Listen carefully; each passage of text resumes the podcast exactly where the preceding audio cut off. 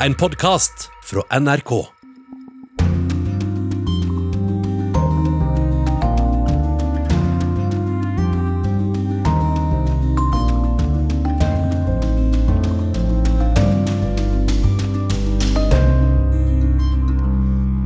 Kan delstater i USA arrestere kvinner som vil reise for å få abort i andre deler av landet? President Joe Biden lover dem beskyttelse. Hva kan det bety for Norden å få Sverige og Finland med i Nato, spør vi i Urix på lørdag. Vi skal høre at ukrainere har samlet inn kjempesummer for å kjøpe droner til krigen mot Russland. Og i vår sommerserie skal vi i dag til en by i Mali. Akkurat som en sånn kardemommeby med små, firkanta hus, der det vandrer geiter og høns rundt fritt. Og kan en hamburger beskrive Russlands utvikling de siste årene? Ukas korrespondentbrev gir deg svaret på det. Ja, vel møtt til Urix på lørdag. Jeg heter Marit Kolberg. I USA vil nasjonale myndigheter gjøre det umulig for delstater å hindre kvinner i å reise til andre deler av landet der abort fremdeles er lovlig. President Joe Biden sier at han ikke er i tvil om at noen lokale myndigheter vil arrestere kvinner som ønsker en abort. If extremist governors try to block a woman from traveling from her state that prohibits her from seeking medical help she needs to a state that provides that care, the federal government will act to protect her bedrock rights through the Attorney General's office. Second, if states try to block a woman from getting medication the FDA has already approved and has been available for more than 20 years, my administration will act and protect that woman's right to that medication. Biden lover altså å beskytte kvinner som ønsker abort, og Google melder at de vil slette opplysninger i sine kart som viser hvor og når brukere har besøkt abortklinikker i USA. De gjør dette fordi de frykter at myndighetene i delstater der abort blir forbudt, skal finne fram til kvinner som tar abort i andre deler av landet. Og korrespondent Tove Bjørgaas er i Kansas, en delstat som i mange år har vært abortsakens slagmark. Her føler mange innbyggere sterkt for å beskytte retten til det ufødte liv. But this is what we hand to the to the women. Yeah, So this is the brochure. Yeah. Yeah, and and Mark Gidsen henter noen brosjyrer fra førerhuset i kassebilen sin. Den står parkert utenfor inngangen til den eneste abortklinikken som fortsatt er åpen her i Wichita. En by på størrelse med Trondheim sør i Kansas, som ligger omtrent midt i USA. you know facility, be. Dette er det vi gir kvinnene som ringer, forteller han. Kassebilen hans er dekket av et enormt bilde av et abortert foster. And on one side it says, every abortion is an act of violence, and people know that that's true, but they hate that truth. Hver eneste abort er en voldshandling, står det over bildet. Og under står et telefonnummer. Kvinner som kommer hit for å ta abort, og som angrer, kan ringe Mark. Han sier han hjelper dem med rådgivning og penger, slik at de kan bære fram barna de venter. I've given away right now the actual number. We, we publish, we say over half a million dollars. The real, How, how much time are you spending on, on this work a week? more than 40 hours a week on the Kansas Coalition for Life alone. Mark Gitzen er ingen hvem som helst her i Wichita. I 40 år har organisasjonen hans, Kansas Coalition for Life, kjempet for det ufødte liv. Nå er abort blitt forbudt gjennom hastelover i nabodelstatene Oklahoma og Missouri. Men her i Kansas skal det være folkeavstemning i august om en grunnlovsendring som skal forby abort for godt.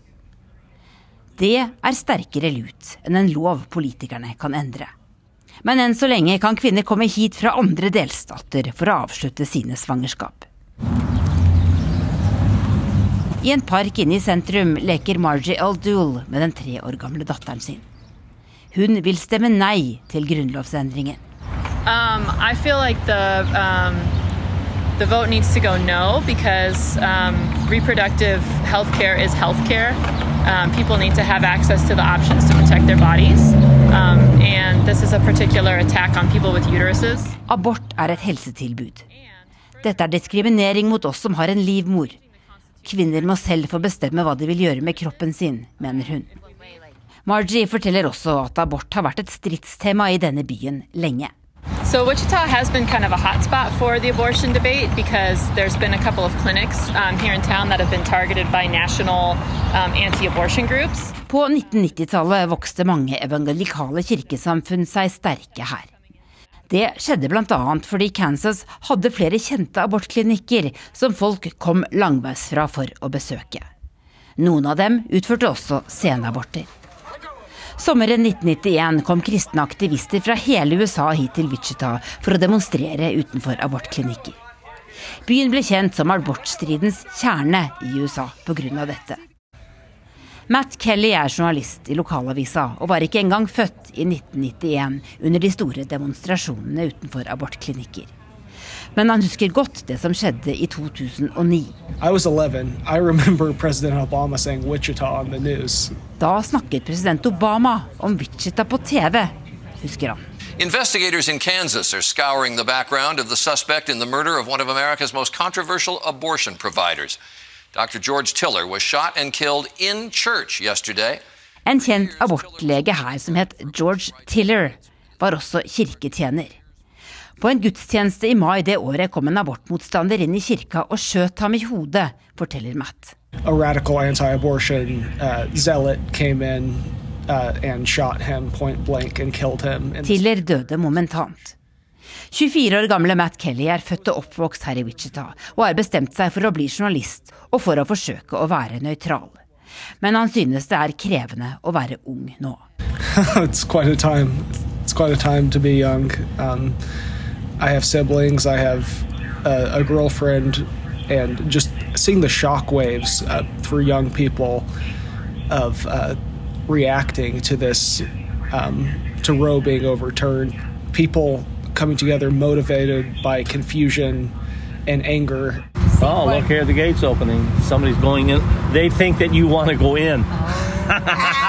you ought to go in. Utenfor abortklinikken der Mark Gidson står, går porten opp. Den er veldig tjukk, og ingen slipper inn med mindre de har en avtale. Stemningen er spent her nå. Og Mark håper at også denne klinikken vil bli tvunget til å stenge dørene etter folkeavstemningen i august. Foreldrene hans var også abortmotstandere. Han er stolt over å ha gått i deres fotspor. Last Friday, when, when. Wade was overturned, how did you feel?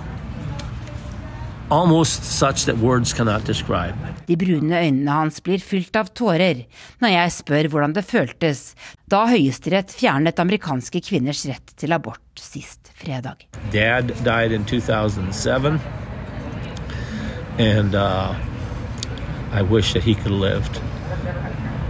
To have seen this. Mm -hmm. To see the day. I have nine brothers and five sisters. So, yeah, we're, we're all happy. Ja, Mark Gitsen fortalte altså at han selv og hans 14 søsken er lykkelige over USAs abortinnstramming.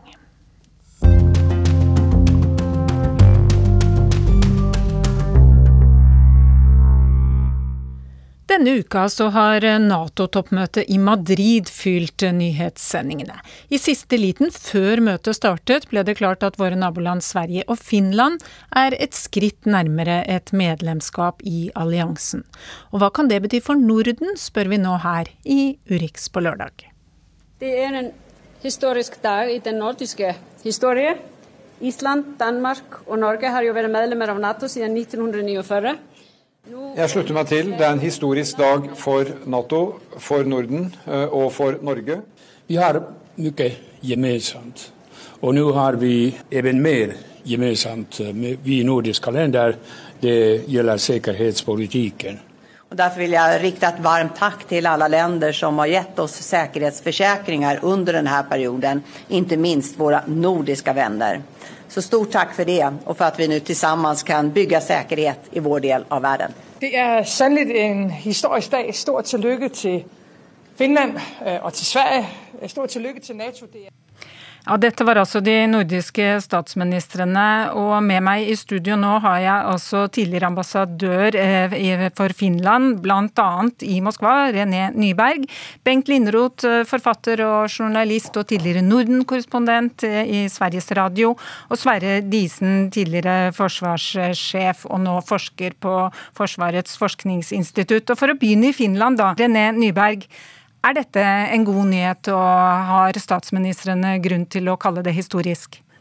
Uten tvivel et historisk steg og et historisk beslut. Derfor at, att, være partner, at være, eh, vara granne, nabo og sen at bli bunnsforvant, har en stor betydelse. I Sverige så har jo dette vært veldig omdiskutert. Bengt Lindroth, hva er reaksjonen der? Eh, ja, majoriteten av svenskar, det visar opinionsmätningarna, är ju för en svensk NATO-ansökan, det är ju helt klart. Men sen tycker väl många, inte minst inom socialdemokratin som går, står på ja-sidan, må hända att det här gick ju väldigt, väldigt fort och vi fick inte den debatt som vi kanske kunde behöva. Och eh, går vi lite mera vänsterut bland de mera eh, debattlystna så finns det en klar och tydlig opposition. Men eh, jag tycker ändå man kan säga att det här är en slags seger som eh, den stora majoriteten svenskar accepterar för, man kan säga den nordiska samarbetstanken. Og til slutt till til deg, Sverre Disen. Eh, reaksjonen i Norge er vel ganske entydige? Ja, det er den eh, helt åpenbart. Eh, nå blir det jo altså mye lettere, dette, dette nordiske forsvarssamarbeidet, som, eh, som, jo faktisk begynte i, i, 2007, i moderne versjon i hvert fall. Det har jo operert med en del begrensninger som følge av svensk og finsk alliansefrihet. Selv om den er blitt omdefinert og, og myket opp i betydelig grad fra 2014 og frem til i dag. Men, men det er klart at det er et voldsomt steg fremover med tanke på felles planlegging og, og koordinering av, av, forsvaret av denne delen av, av Nord-Europa, at det nå blir et formelt medlemskap. Hvordan ser man i Finland på dette, Nyberg? Hva vil bli annerledes, og hvilke forventninger er det man har? Om jeg får bare tillegge til, til opinionen i Finland, så er, det, så er jo understøtet overveldende starkt.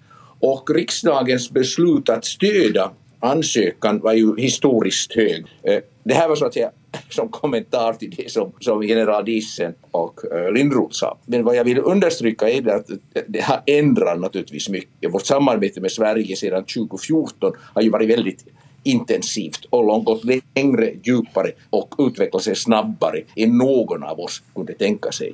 På vilket sätt förändrar det sig nu då? Vi har først og fremst et grundlag som er annorlunda. Vi er både medlemmer i et forsvarsforbund, och eh, det intensifierer och eh, det ändrar ganska mycket. Tekniskt, som, som Diesen, understrøk, Diesen underströk, betydelsen ur hela Nordens synpunkt är ju väldigt stor. Tänker, på, tänker bara på Finnmark och det finska Lappland eller Finnmark, Troms, Norrland i Sverige. Allt det här blir ett område ur försvarssynpunkt. Hva for Sveriges del, eh, Lindroth, hva blir eh, annerledes nå hos dere? Jag skulle säga att det som blir mest annorlunda og och som kommer att ta tid är frågan om en slags, ett mentalt skifte i Sverige. Jag skulle uttrycka det så här, medan våra nordiska grannländer på olika sätt har, har eh, haft historiska upplevelser av krig och av ockupation och, och att eh, de, de, kollektiva minnena av säga spelar en viss roll för den egna självsynen och, och, och synen på, på omvärlden så har Sverige som då var så uh, lyckosamt och, och undslapp i kriget uh, på det hela taget inte riktigt kanske varit medveten om eller glömt bort de kärva geopolitiska och realpolitiska realiteterna uppe i Nordeuropa. Och det har då lett till, skulle jag och många andra menar att vi kanske har fått en slags svensk överideologi där sånt som neutralitet och alliansfrihet har fått karaktären utav någon slags dygd att vi är fria och oberoende och därmed kanske bättre rustade att predika de goda värdena för resten av världen och så vidare. Och den här idealistiska svenska självbilden som vi kanske har haft, skulle jag påstå, det, det är slut. Och en följd av detta, det är naturligtvis det som, som general Diesen sa tidigare, att nu får vi så att säga, en slags ny strategisk självsyn i Sverige. Vi måste lägga oss till med det, det vill säga att vi eh, eh har tagit på ett större ansvar, ett delansvar för ett större område, för Norden, Östersjön, de nordatlantiska områdena och Baltikum och så vidare. Och det här eh, bidrar också till den här eh, djupa omprövningen som vi just nu har inlett i Sverige. Og nettopp dette med nordområdene hadde jeg litt lyst til å komme inn på, for i Norge så har vi jo et veldig fokus nordover eh, mot uh, Barentshavet, mot Svalbard og opp mot Arktis. Og For å spørre deg først, da, Disen, blir det mer oppmerksomhet mot Østersjøen? da? Ja, det tror jeg det blir. Eh, bevisst eller ubevisst så kommer det til å skje. Og det er jo som du sier, altså Norge er jo tradisjonelt eh, Nato-landet i nord. Vi har jo hatt eh, en forsvarsminister som, som brukte å si at Norge er Nato i nord. Og vi har vært ganske bortskjemt med alliert oppmerksomhet som følge av det. Når det gjelder både øvelser, planlegging, oppmerksomhet fra våre største og viktigste allierte, Storbritannia og, og USA selvfølgelig. Og nå er vi altså altså plutselig ikke denne ene Nato-bastionen i nord lenger. Vi er eh, bare ett av, eh, av tre land på den skandinaviske halvøy eh, som er Nato-medlem. Og vi er det minste og det mest skjermede. Slik at på samme måte som Sverige står foran en endring av sitt, sitt strategiske selvbilde Det er jo helt riktig som Lindroth sier, at, at alliansefriheten er noe nær en, en del av det svenske DNA politisk. Så må Norge også venne seg til en, en annen rolle i Nato som et, eh, faktisk et strategisk bakre område eh, i Skandinavia. Eh, og det kommer sikkert til å bli, eller kreve en viss innsats fra norsk side, at ikke Natos fokus dreier seg såpass kraftig mot Baltikum, Østersjøen, at det oppleves som en, en, en form for tap av interesse for nordområdene. Så har vi selvfølgelig det faktum at det russiske basekomplekset på, på, Kola med de strategiske undervannsbåtene, med den russiske eh, annenslagsevnen, eh, altså evnen til å gjengjelde et kjernefysisk angrep, den gjør for så vidt at spesielt våre amerikanske allierte vil jo alltid eh, ha en viss oppmerksomhet der. Men det, det blir et skifte. Mm. Hva tenker du i Sverige, Bengt Lindroth? Eh, har Norge grunn til å bekymre seg noe over dette? Eh, jag har förstått att det kanske finns, eh, på sina håll i varje fall i Norge, en, en eh, förhoppning eller en tanke om, om, att nu så kan man få hjälp ifrån Sverige och Finland och som general Diesen säger så blir det inte bara Norges angelägenhet längre. Det är inte bara en fråga om förhållandet Norge-USA. Och så kanske det är. Det vi får, tvingas väl i Sverige långsamt inse att vi har ett delansvar där uppe. Men då vill jag bara påpeka, jag minns till exempel en intervju jag gjorde 2006 måste det ha varit med Jonas Gahr Störe som da var utrikesminister och hur han predikade liksom nyttan och betydelsen av att vi hela Norden och Europa blir medvetna om Nordenområdena ekonomiskt och säkerhetspolitiskt och resursmässigt. Men, menade han, det var väldigt svårt att väcka svenskarnas intresse och eh, när han just innan den här intervjun hade med dåvarande statsministern Göran Persson så kände han sig närmast nedslagen, sa han, över bristen på intresse och förståelse i Sverige. Så vi har någonting att jobba på här. Mm.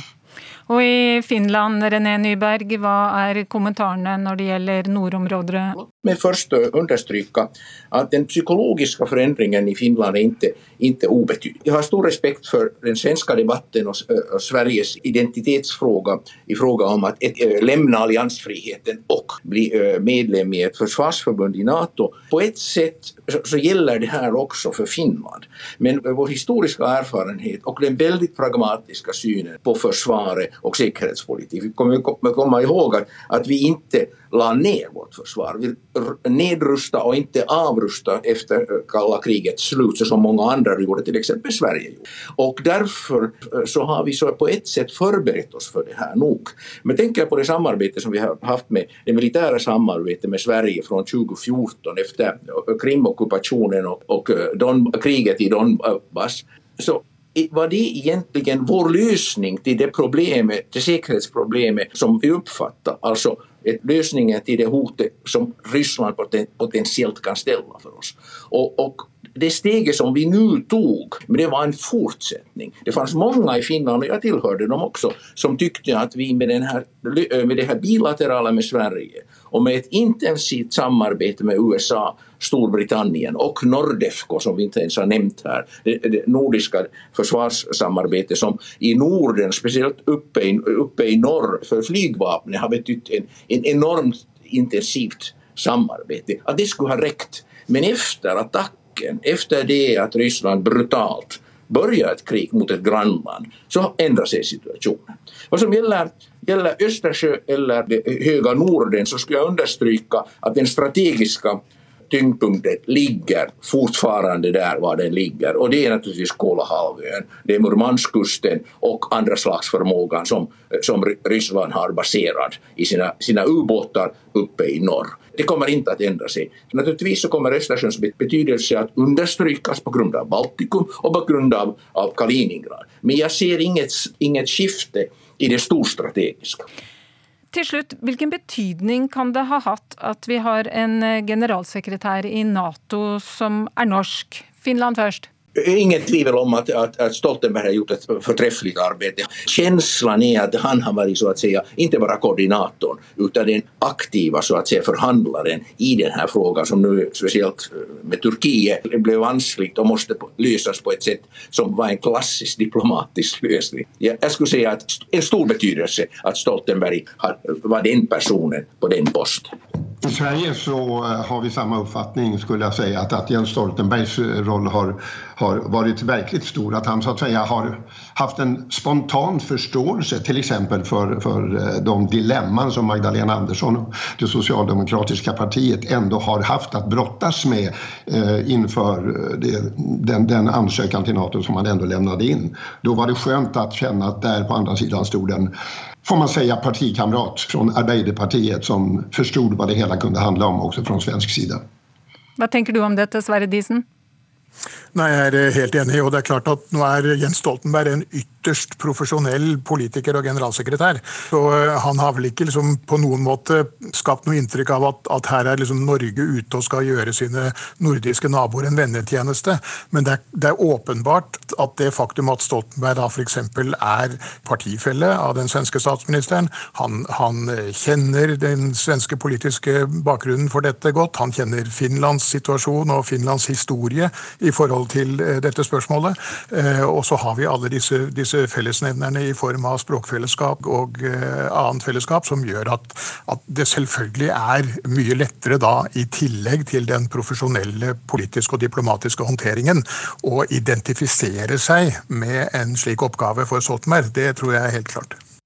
Ja, takk til Sverre Disen med fra Norge, Bengt Lindroth i Sverige og René Nyberg i Finland. Et annet tema på Natos toppmøte har også vært forholdet til Kina. Generalsekretær Jens Stoltenberg var klar i talen. Han sa bl.a. at Kina plager naboene sine og ruster opp, også med atomvåpen. China is uh, substantially building up its military forces, including nuclear weapons, bullying its neighbors Taiwan.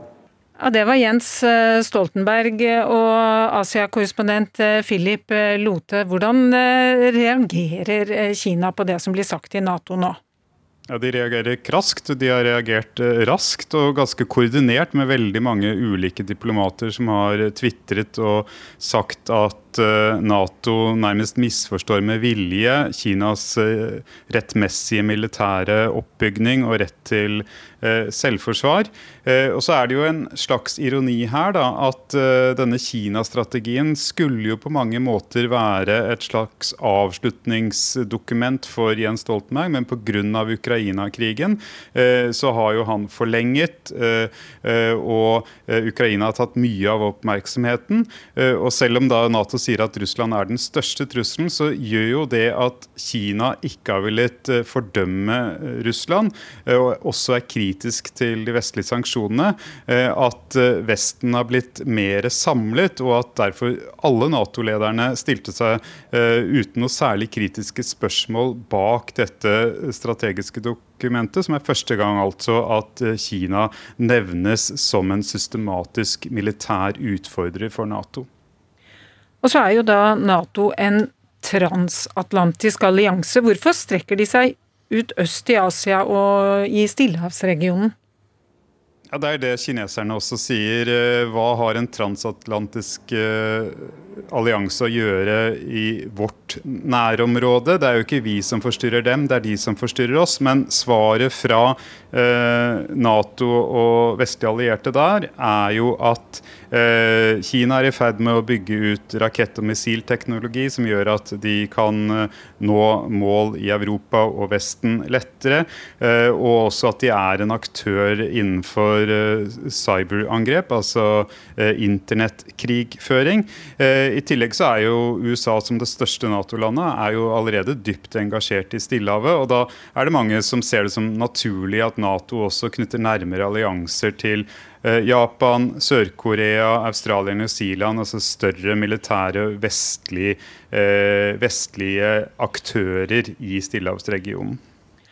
Hvordan vil USA balansere sine militære ressurser mellom Stillehavsregionen og Europa nå da? Ja, Det er jo det store spørsmålet. og Biden sa jo under Nato-toppmøtet at de vil eh, sette inn flere militære ressurser i Europa. Ukraina-krigen er det som krever mest av samtlige Nato-land akkurat nå. Eh, men det er jo helt avgjørende for USA om de skal hevde seg i Stillehavsregionen, at Europa tar eh, et større både økonomisk og militært ansvar for forsvar av Europa, og at de muligens også bistår noe inn i Stillehavsregionen. Og der har jo Frankrike, Storbritannia Storbritannia og til og med Tyskland vært villige til å sende skip eh, inn i disse asiatiske havene.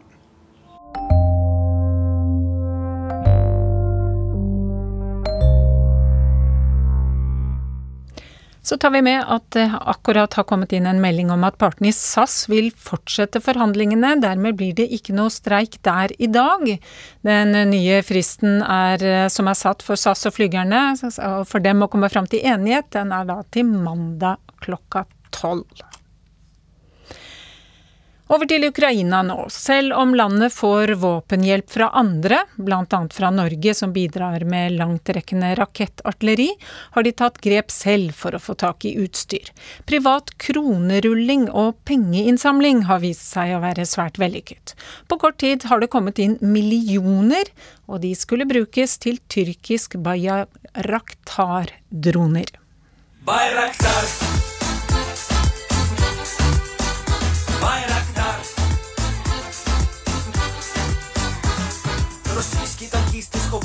Den ukrainske hæren hyller den tyrkiske Bayraktar-dronen TB2. Soldater fremfører sangen i forskjellige videoer på YouTube, som også viser hvordan Bayraktar-droner angriper russiske militærkonvoier. De tyrkiske dronene har vist seg svært effektive i ukrainernes kamp mot den russiske hæren.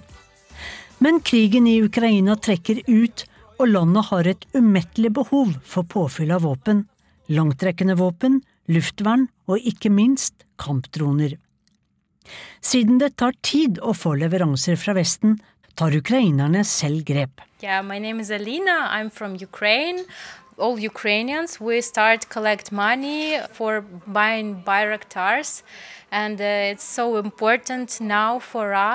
Det er så viktig for oss å få Bayraktar-droner, så nå gir vi alle penger for å få kjøpt flere droner, sier Alina til NRK.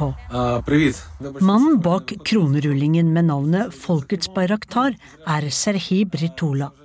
Han er superkjendis i Ukraina. Både TV-personlighet, aktivist, politiker, og han har også meldt seg frivillig til hæren. Nå snakker alle om innsamlingen hans. Jeg uh, treffer Alina i en butikk midt i Kyiv, der hun selger de tradisjonelle Vishivanka-antrekkene. Vi står midt blant stativ med broderte skjorter, bluser og kjoler, mest i hvitt, men også i rødt og gult. Hun viser meg hvordan Bayraktar-innsamlingen foregår. Her ser du QR-koden som brukes i kafeer, hos frisører og i flere butikker. Og her står det at du kan sende seks rivnas i tips, altså to kroner, og de vil gå rett til fuglene som vi kaller dronene, forklarer Alina. Noen gir to-tre rivna, mens andre, som bedrifter og privatpersoner, har gitt flere hundre tusen og oppover. Altså alt fra én krone til hundre tusen og mer. Bak kassen står Julia i hvit kjole brodert med rødt. Hun har også donert til en Bayraktar TB2-drone. Moren min skjønte ikke helt hvordan hun kunne sende penger via nettet, så jeg sendte for hele familien vår, forteller Julia. Og kronerullingen ga resultater. Vi gjorde det, jublet Serhi Pritola på Twitter. På tre dager ga ukrainerne ufattelige to milliarder kroner til Folkets Bayraktar.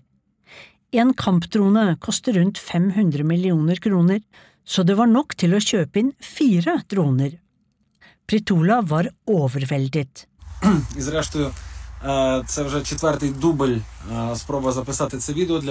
Hei alle sammen, beklager at ikke jeg har latt høre fra meg i det siste, men jeg har kjørt bil hele dagen, og dette er det fjerde forsøket mitt på å spille inn en video, for jeg har begynt å gråte hver gang. Jeg er så overveldet av følelser, sier han i denne videoen på Facebook. Og han forteller om alle som har gitt. Alle barna som har solgt jordbær og kirsebær for å samle inn penger, det er helt fantastisk, og barn som hadde bursdag, men som ba om penger til en bayraktar i stedet for å få gaver. Da Pretola kontaktet den tyrkiske bayraktar-droneprodusenten Baykar, kunngjorde den følgende.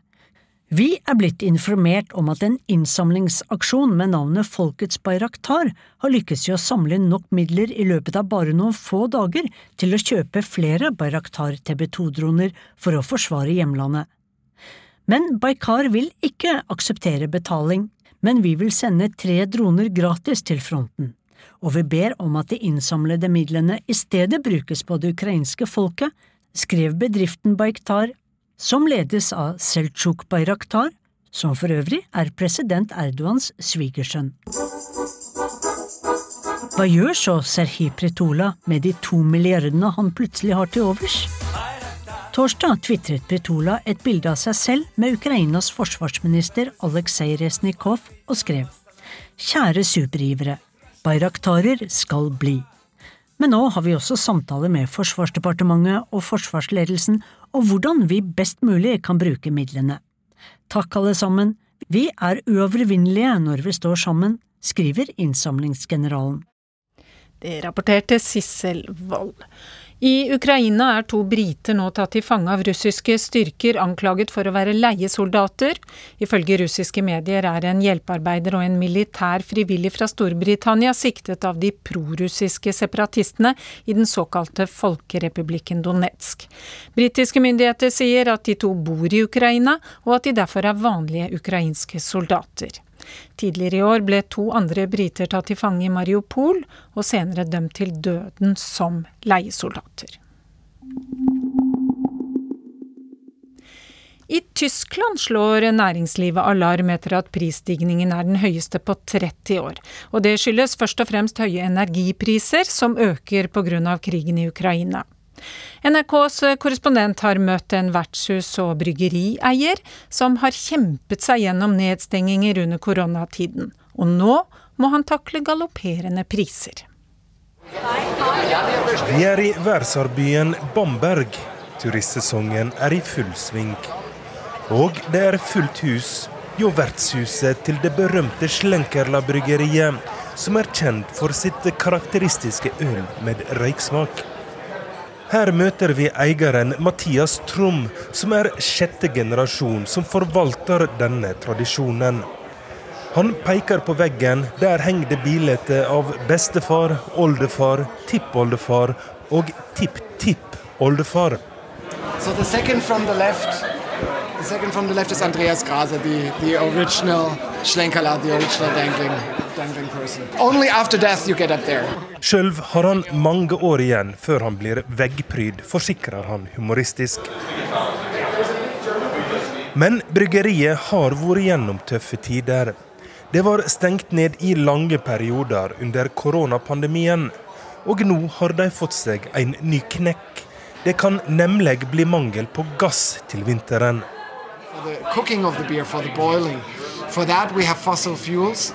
So yeah, that's that's a big challenge. The price and also the availability. Vi nytter gass til oppvarming i bryggeriet, og nå har prisene skutt i været. Samtidig vet vi ikke om vi får all gassen vi trenger til produksjon i vinter. I think all the breweries in Germany at the moment don't really know what the next winter is going to bring. We've never been in that situation. Den tyske regjeringa har laga en trestegs beredskapsplan, som betyr at de ber oss om å frivillig redusere gassforbruket. På steg tre vil regjeringa bestemme hvem som får gass eller ikke, forteller han. Vi vet ennå ikke hvordan dette blir fordelt.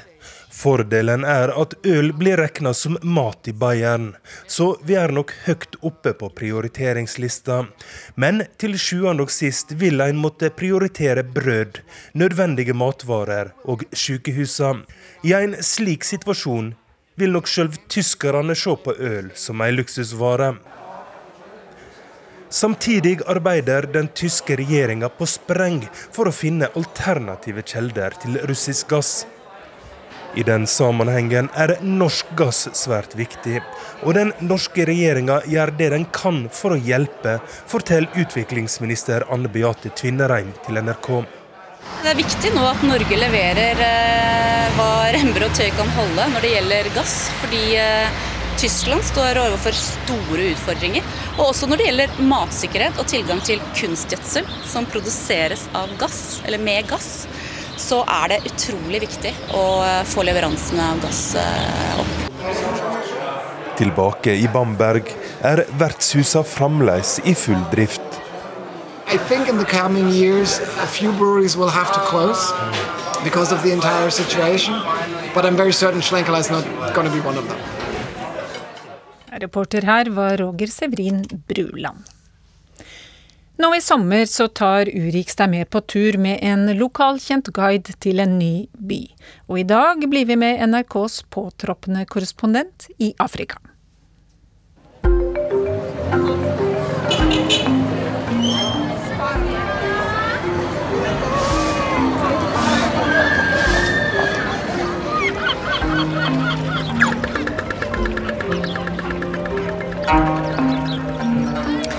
Akkurat som en sånn kardemommeby med små, firkanta hus. Og så eh, sitter folk utenfor huset sitt i en sånn inngjerda område der det vandrer geiter og høns rundt fritt.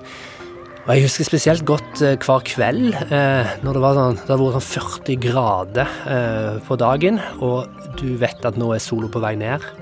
Og du tar på deg joggeskoa og eh, legger ut på en liten joggetur i den timen der det er både vakkert og kanskje litt grann, om ikke kjøles, iallfall litt mindre varmt. Og så jogger du bortover veien, og så bare ser du sanden danse rundt deg, og da vet du at nå er det et sånn lite vindpust på vei over sandslettene som skal eh, svale litt, eller bare gi deg litt grann eh, pusterom i en veldig varm hverdag. Det er kanskje de minnene, og så synet av solnedgangen. Duenza heter byen. Den ligger i et slags veikryss i Nord-Mali. Eh, svinger du til venstre, så kommer du til Timbuktu, som er en by mange har hørt om. Men Duenza det er en sånn typisk eh, landsby for denne delen av Afrika, eh, med marked hver eneste søndag. Da kommer folk inn med eh, det de har dyrka på åkrene, eller med sauene og geitene, og til og med noen som kommer med kamelene sine for å kjøpe og selge dyr og, og varer. Jeg heter Vegard Sjørom, er utenriksmedarbeider i NRK. Hvordan endte du opp i en liten by i Mali? Jeg har vel alltid hatt en fascinasjon for Afrika, og som mange andre unge nordmenn så vil jeg ha en sånn eventyrår der jeg gjorde noe annet. Så jeg søkte litt rundt og fant ut at eh, Det Norske Misjonsselskap har et opplegg for eh, unge nordmenn. Eh, så jeg eh, meldte meg som frivillig, reiste dit. Så to dager vego, eller to til tre dager i uka, så, så passa jeg på Norske Misjonærbarn og las eh, Astrid Lindgren og Anne-Kat. Vestli for deg. Eh, men de andre dagene så var jeg med eh, enten ut på ulike Norad-finansierte prosjekt, eh, eller prøvde å lære meg fransk, eller bare var med, med folk jeg ble kjent med der. Så da bodde jeg der i ett år og opplevde en ganske annen del av Afrika enn det jeg har opplevd i f.eks. storbyer som Nairobi, da. Er det noen i Duenza som har eh, satt noe spor hos deg? Noen du husker spesielt godt? Ja, det er jo flere. Den jeg kanskje Den jeg kanskje husker best den dag i dag, er, er Hamma, som er en mann som er noen år yngre enn meg, eh, og som ble bestekompisen min. Dette er jo et område hvor mange ikke kan lese og skrive, eh, men Hamma var ganske skoleflink og, og, kunne ganske bra fransk. Så han var den eneste jeg klarte å kommunisere godt med. Engelsk er bare helt uaktuelt, eh, så det er eventuelt fransk det går i. Og med Hamma så kunne jeg ha lengre samtaler. og vi hadde mye til felles. Han var også nysgjerrig på, på, Europa og på Norge.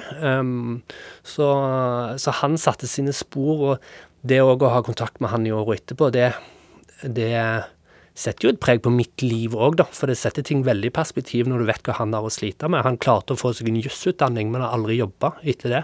Han er fortsatt arbeidsledig, i Norge. veldig mange unge menn er i denne delen av verden. Og det er derfor det òg er veldig trøblete der. Fordi det er vanskelig å få seg jobb, selv om du har klart å gå gjennom universitetet.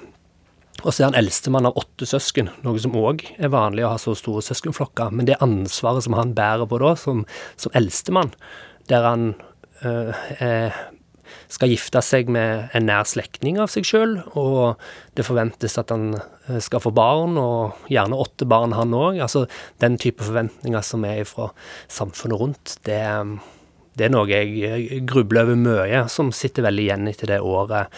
Eh, hvor, ulike kulturer og, og tradisjoner vi kan ha i ulike deler av verden.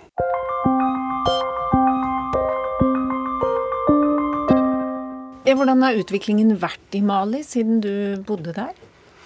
Jeg husker en av de siste joggeturene jeg hadde uh, ut av byen. Uh, en kveld så ble jeg stansa noen unge maliere som var ganske sinte på meg. For de visste at jeg var fra uh, Europa og Norge. De visste at det bodde nordmenn i byen. Um, og de var sinte fordi norske fly bomba Gaddafi. I denne delen av Mali uh, så var det mange som støtta Gaddafi sitt regime i Libya. Um, og den dag i dag så vet vi at Gaddafis fall i Libya førte til at mange av de som var hans leiesoldater, vendte tilbake igjen til Mali.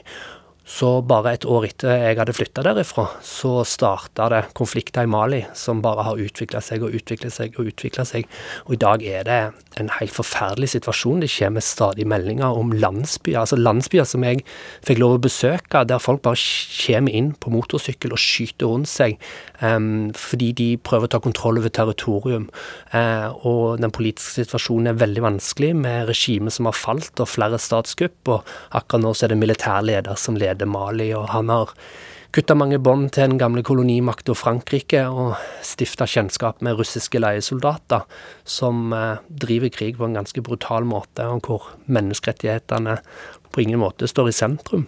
Så, og det går utover sivilbefolkninga i denne delen av Mali, hvor eh, jeg bodde i et år. Hvor det nå er enda vanskeligere å få jobb. Ingen som vil investere, ingen som kommer utenfra å hjelpe til, annet enn noen bistandsorganisasjoner som prøver å lappe i hop det som er av et fungerende samfunn. Da. Og det er veldig vondt å vite at de siste ti åra har vært sånn. Og jeg har jo fortsatt kontakt med folk inni dette området, som bor i det området, som, som har gått ifra kanskje å ha håp om en bedre framtid, til å egentlig gi litt opp snart.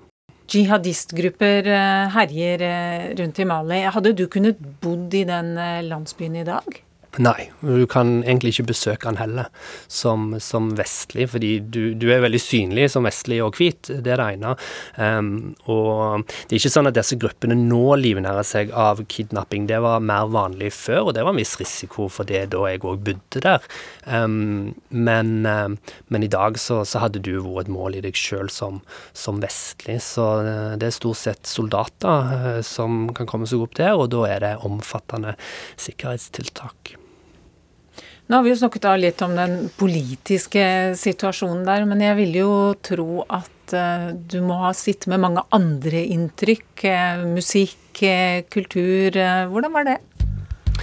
Altså, dette her er jo en del av verden hvor tradisjonene står veldig sterkt. Eh, fra generasjon til generasjon så er det eh, lite som endrer seg med, med, tradisjoner. og Det går litt tregt over tid, men det gjør òg til at det er et veldig rikt samfunn, og veldig annerledes enn en det vi er vant med fra Norge. Um, når det gjelder musikk, så er Nord-Mali ekstra kjent for eh, sjangeren ørkenblues.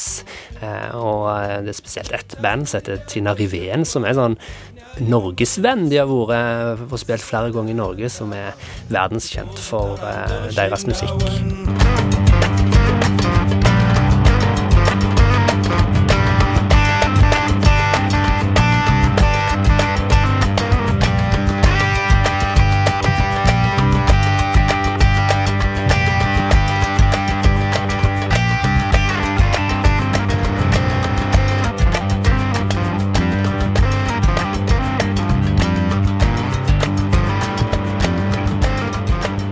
Ja, det var Tina Reven, men det er jo ikke bare det som er et kjent navn. Det er jo andre òg, fra Mali. Ja, du har Amadou og Mariam eh, og eh, Salif Keita.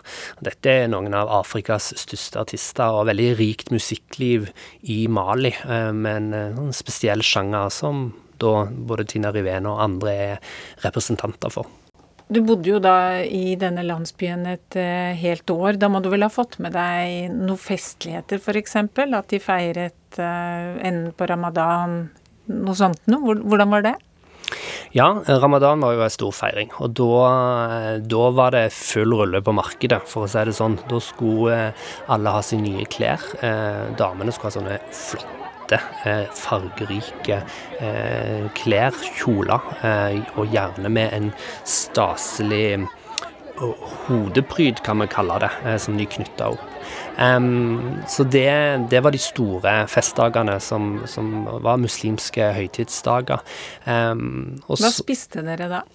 Da var det spesielt den ene dagen så var det eh, lam, eh, eller en grilla sau. Og det var en av de få dagene veldig mange i dette området smakte kjøtt. Eh, vanligvis så åt de veldig mye hirse, som er en sånn plante som de, de stampa og lagde en slags graut ut av. Og, så hadde de en saus, og det var det de åt eh, veldig ofte. Like ofte som vi eter brød, kanskje, bare med, med, null pålegg og tilbehør utenom. Så det å ete kjøtt, det var eh, luksus. Eh, eh veldig ofte, og det gjorde de bare på disse få høytidsdagene i løpet av året. Har du vært tilbake i Mali siden du bodde der den gangen? Jeg har vært en gang tilbake til Duenza i en periode hvor det var relativt rolig i den konflikten, og hvor, hvor utenlandske soldater hadde ganske god kontroll. Så da hadde jeg et par overnattinger eh, der. Eh, og så har jeg besøkt eh, Bamako eh, i ettertid. Og I Bamako er det relativt trygt, men Mali er et land hvor du fortsatt kan finne eldgamle tradisjoner i levende live. Eh, så det er veldig synd at eh, få nå får oppleve dette landet som lenge var fredelig og absolutt et anbefalt reisemål, men som de ti siste åra dessverre har vært prega av eh, stort sett krig og konflikt og politisk kaos. Har du noen planer om å dra tilbake? Jeg kunne gjerne reist til Bamako igjen, ja. Eh, fordi der er det uh, trygt nok å, å oppholde seg. Og maliere er jo veldig Eh, det, det, er et folk som, som liker å, å snakke med, med, andre. De er nysgjerrige, og de er veldig imøtekommende og vennlige. Da. Så det er absolutt verdt å, å ta en tur til det landet.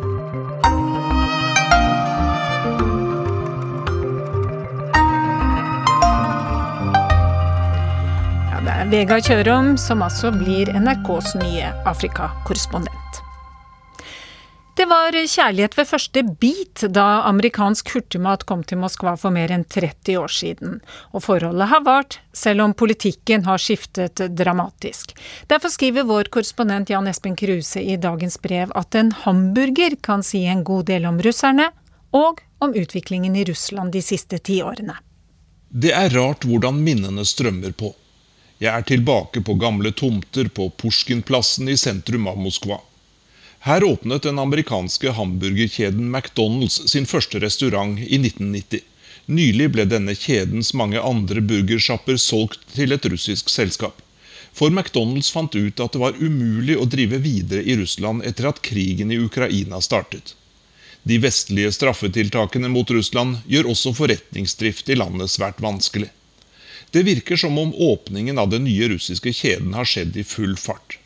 Restauranten på Pusjkinplassen åpnet dørene den 12. juni, som offisielt kalles Russlands dag, en slags nasjonaldag. Noen russere mener at landets politiske ledelse la press på det nye selskapet for å komme i gang akkurat denne dagen. For de nye eierne har ennå ikke rukket å få sitt merkenavn på drikkebegerne. Inne i restauranten er det meste som før, men McDonald's gule M og andre logoer er borte. Den nye kjeden heter Fkosna i Torska. Det er litt vanskelig å oversette til norsk. Direkte oversatt betyr det godt og punktum. Kanskje rett og slett godt blir omtrent riktig oversettelse. Det er mye ungdom som kommer hit, men russere i alle aldre liker seg her. Foran meg står f.eks. en oberst i full uniform. Det går bare et par minutter fra bestillingen til maten er klar.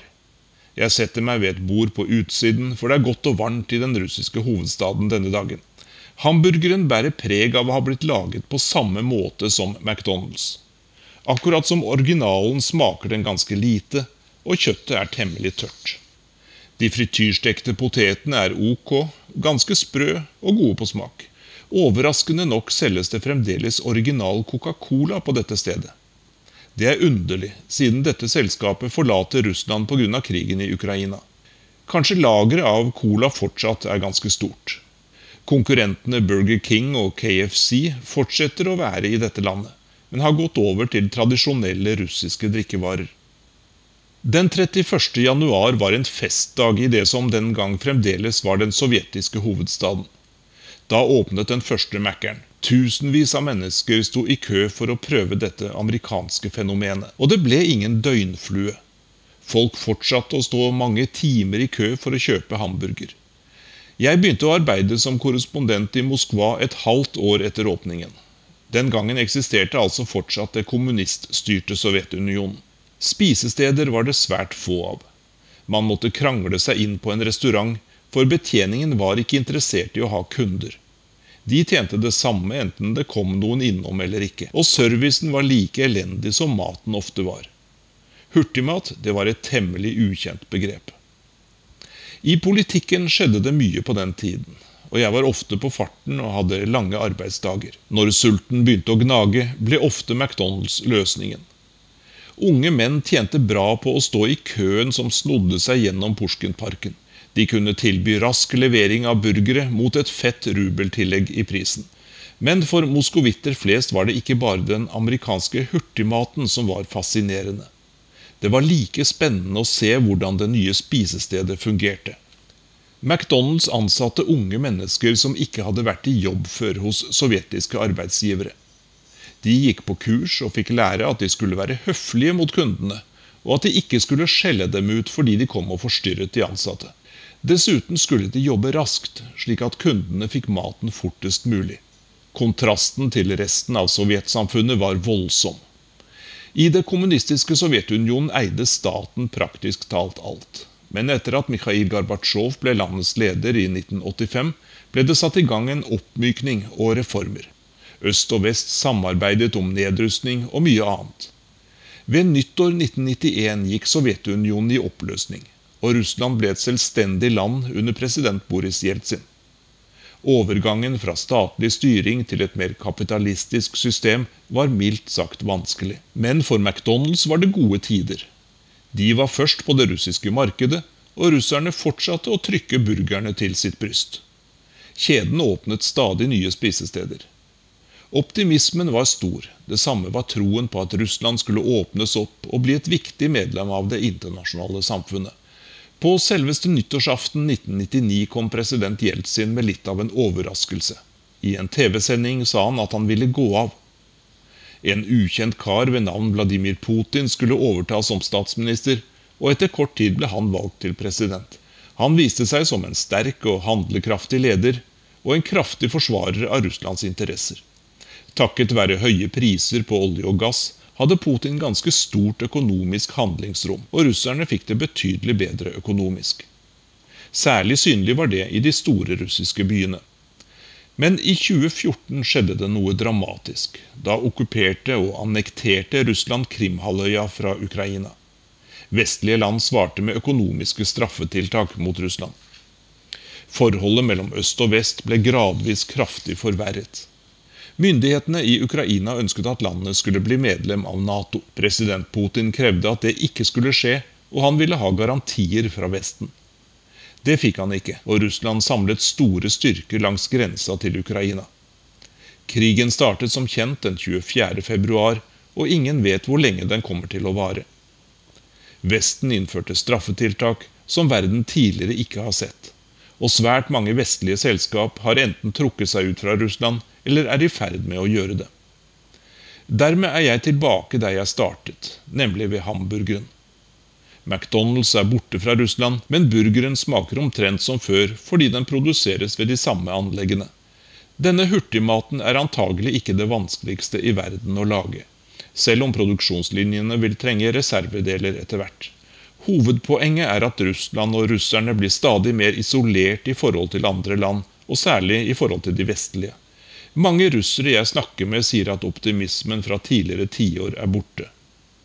Jeg sitter her ved spisestedet i Moskva og gomler på den nå helrussiske hurtigmaten. Hamburgeren har mer eller mindre fulgt meg i alle årene her i Russland. Men nå har den for meg blitt et symbol på håp som forsvant, og alt det som gikk skikkelig galt i dette landet som hadde alle muligheter. Teknisk ansvarlig for denne sendingen var Bobo Bjørnskjold, produsent Silje Sande og i studio Marit Kolberg.